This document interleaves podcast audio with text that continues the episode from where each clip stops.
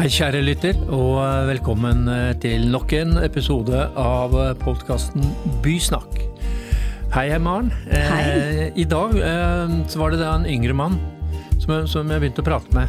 Og av en merkelig grunn, så yngre menn vet ikke hvem jeg er, alle sammen. Og så, Merkelig og greier, det der. Så gikk det litt tid, og så sa han Å, har ikke du den podkasten? For han bare kjente meg igjen på min dype, sonore Uh. stemme. Og etter det så har jeg bestemt eh, at nå skal jeg begynne til å gå hos talelogoped. For å få lysere stemme, eller? Nei, jeg skal få samme perfekte diksjon som deg. Ja. Ja. Eh, Men hver gang vi ser hverandre, så er det for å snakke byutvikling. Det er det. Og hver eneste gang så har du en forundringspose, så drar du opp et tema som vi har hørt om før, eller ikke har hørt om før. Ja. Ehm, og i dag så skal vi jo dra opp et litt sånn deilig kontroversielt uh, tema.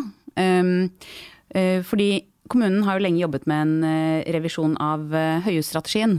og vi kan vel alle være enige om at den forrige strategien, som har ligget der i ganske mange år, den er relativt utdatert med tanke på overordnede planer og ambisjoner for vekst og fortetting. Men høyhus er jo noe som engasjerer bredt. eh, Mye fordi det er eh, en generell skepsis blant befolkningen til å bygge i høyden. Eh, Og det er jo også et spørsmål hvorfor er man egentlig så skeptisk? Er det fordi vi mangler de gode eksemplene? Eller er det litt den norske folkesjela som tilsier at man skal ha egen hage og parkeringsplass? Og er den hvordan kan en ny høyhusstrategi faktisk da vise fordelene, legge noen føringer som er ambisiøse nok for at vi faktisk får høykvalitets høyhus i byen? Så rett og slett den, blir den nye planen ambisiøs nok? Eller er den mer en oppdatering av tidligere føringer, hvor høyhus er et nødvendig onde, men noe vi helst ikke vil ha?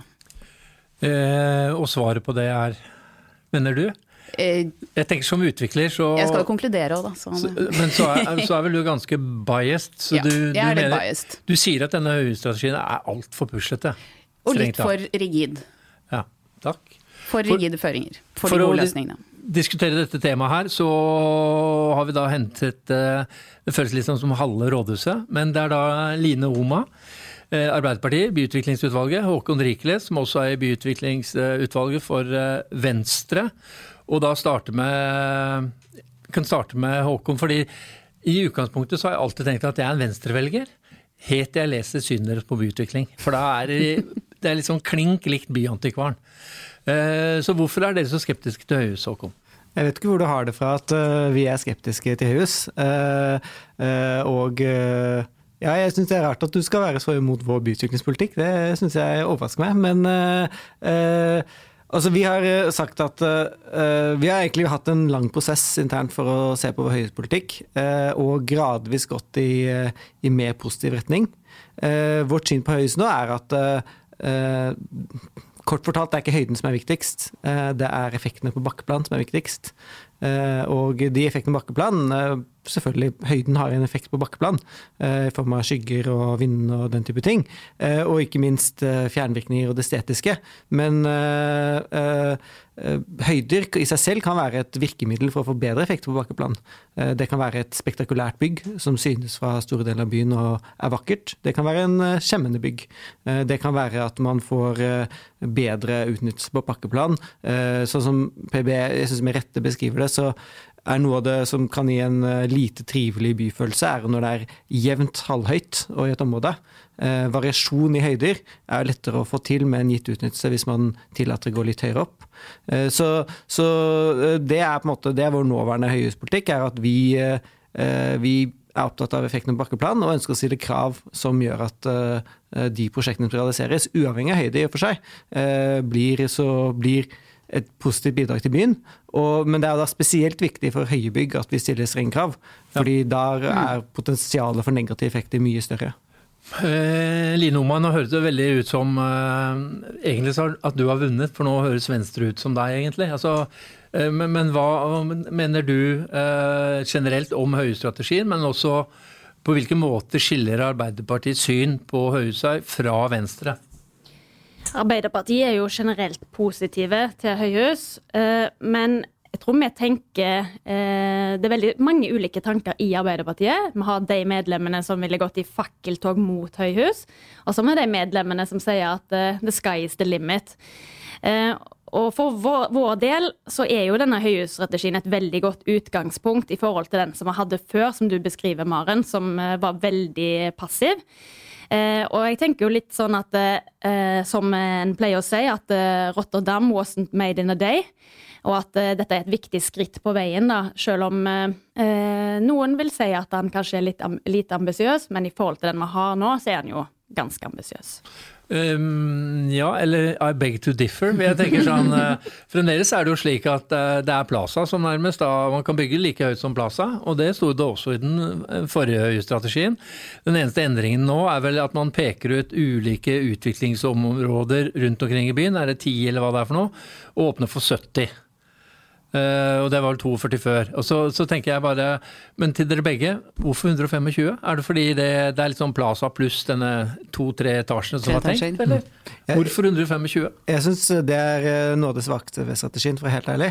Uh, fordi jeg Altså vi, vi, har begge vært på, på studietur i Rotterdam eh, og inspirert og lært mye der. Eh, de sa én ting i og for seg som jeg tror vi må ta med oss, det er at det er viktig å sette en eh, øvre høyde. For ikke så blir det konfliktfylte reguleringsprosesser. og det, Selv om man mener sky's the limit, så må man faktisk sette the limit et eller annet sted, så man får litt forutsigbarhet i planleggingen.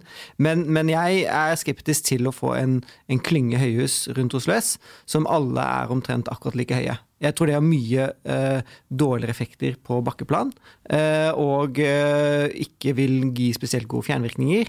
Eh, og dessuten kanskje også da gjør at noen tomter eh, kunne hatt en bedre utnyttelse hvis man gikk litt høyere, men da også kanskje ha større variasjon.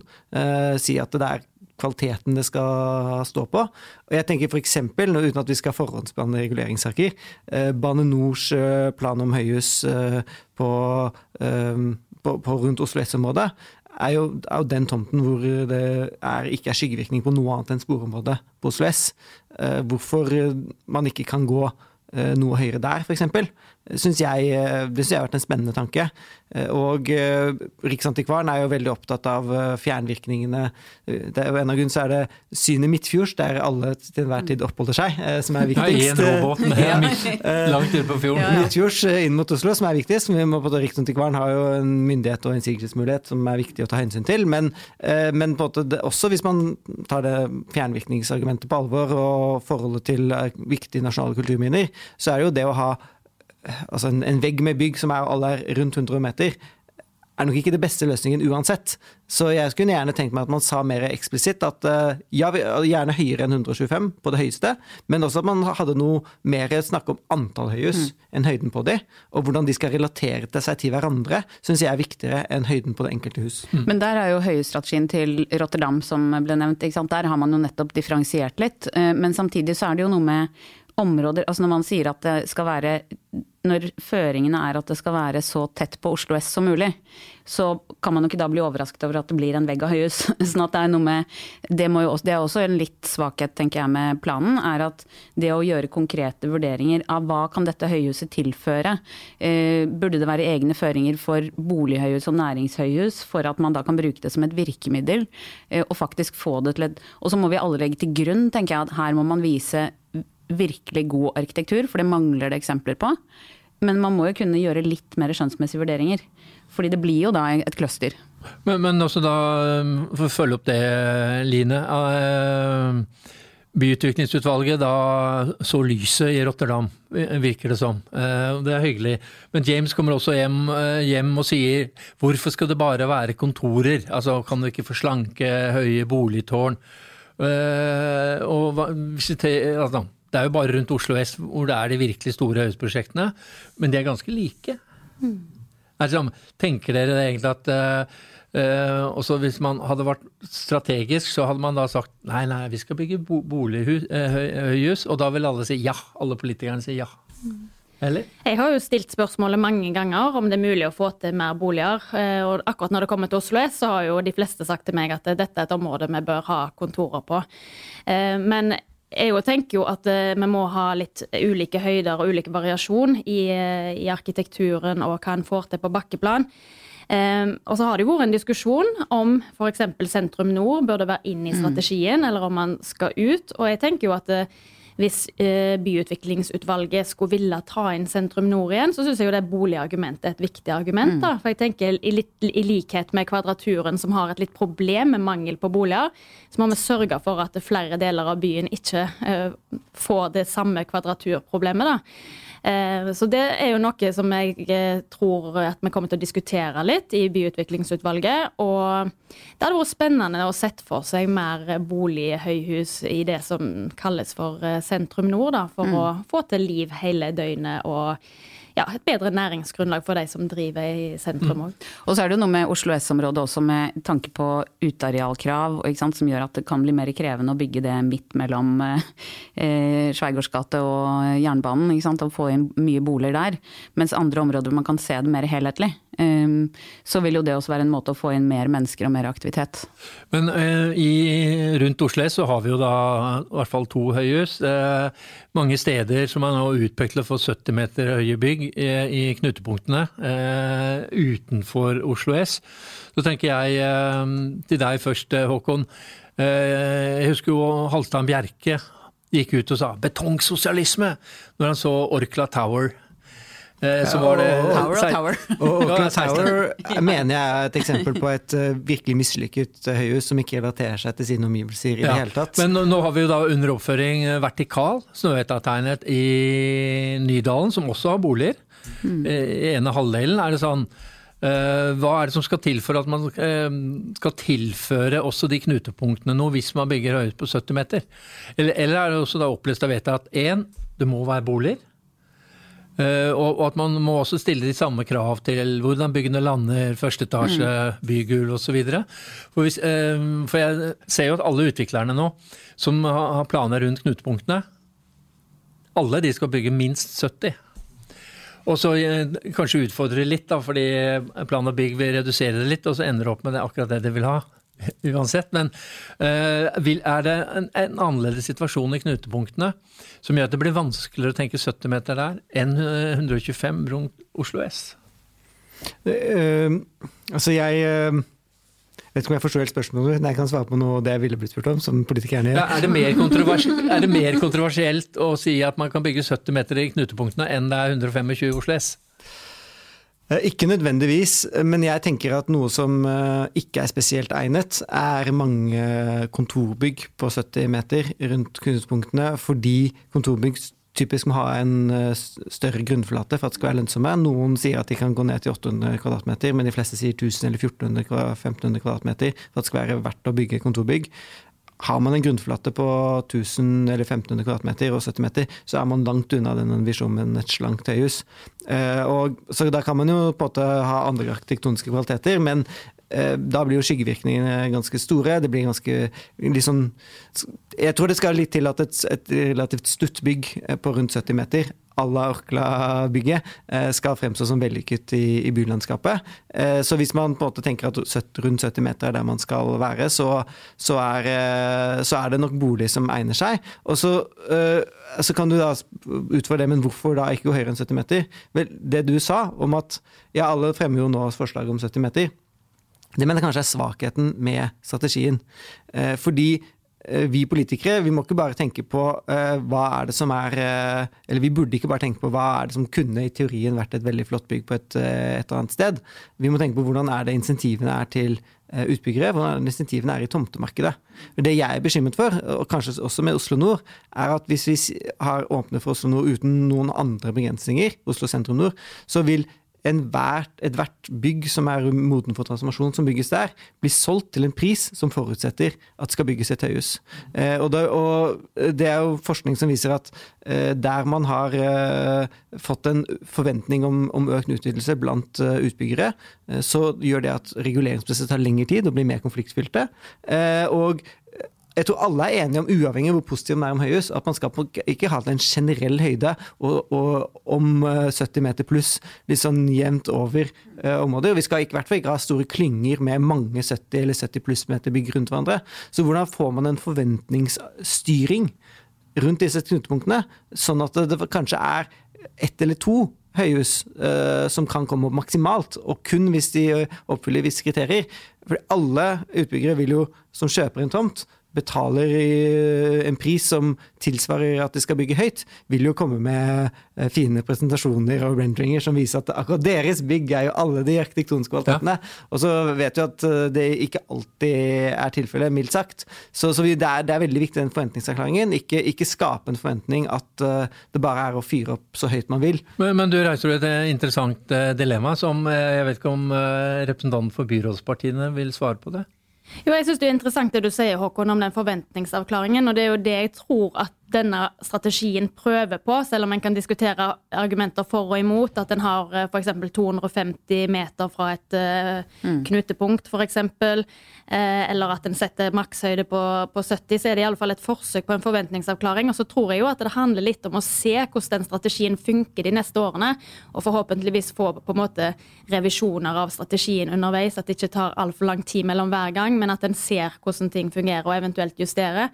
Jeg tenker jo i en ideell verden verden, så hadde en jo sett på de tomtene som er virkelig godt egna for høyhus, og så åpna opp for høyhus der. Altså, noen har jo tidligere nevnt f.eks. trekanttomta til meg og ment at det ville vært en, en, god tomt for et høyhus. Så vil jo det kanskje falle utenfor strategien. Og så har vi jo sett av historien nå de siste årene at det har blitt bygd veldig mange høyhus som er på en måte utenfor den gamle eh, restriktive strategien som en har, og en kan jo kanskje forvente òg at, at hvis en har et skikkelig bra prosjekt på en tomt som er virkelig godt egnet, så vil jo kanskje bystyret åpne for å vurdere høyhus på de tomtene. Eh, og det tipper jeg vil komme til å skje noe de neste årene. Men, men det er noe med denne forventningsavklaringen å ta liksom litt de skrittvise stegene, da.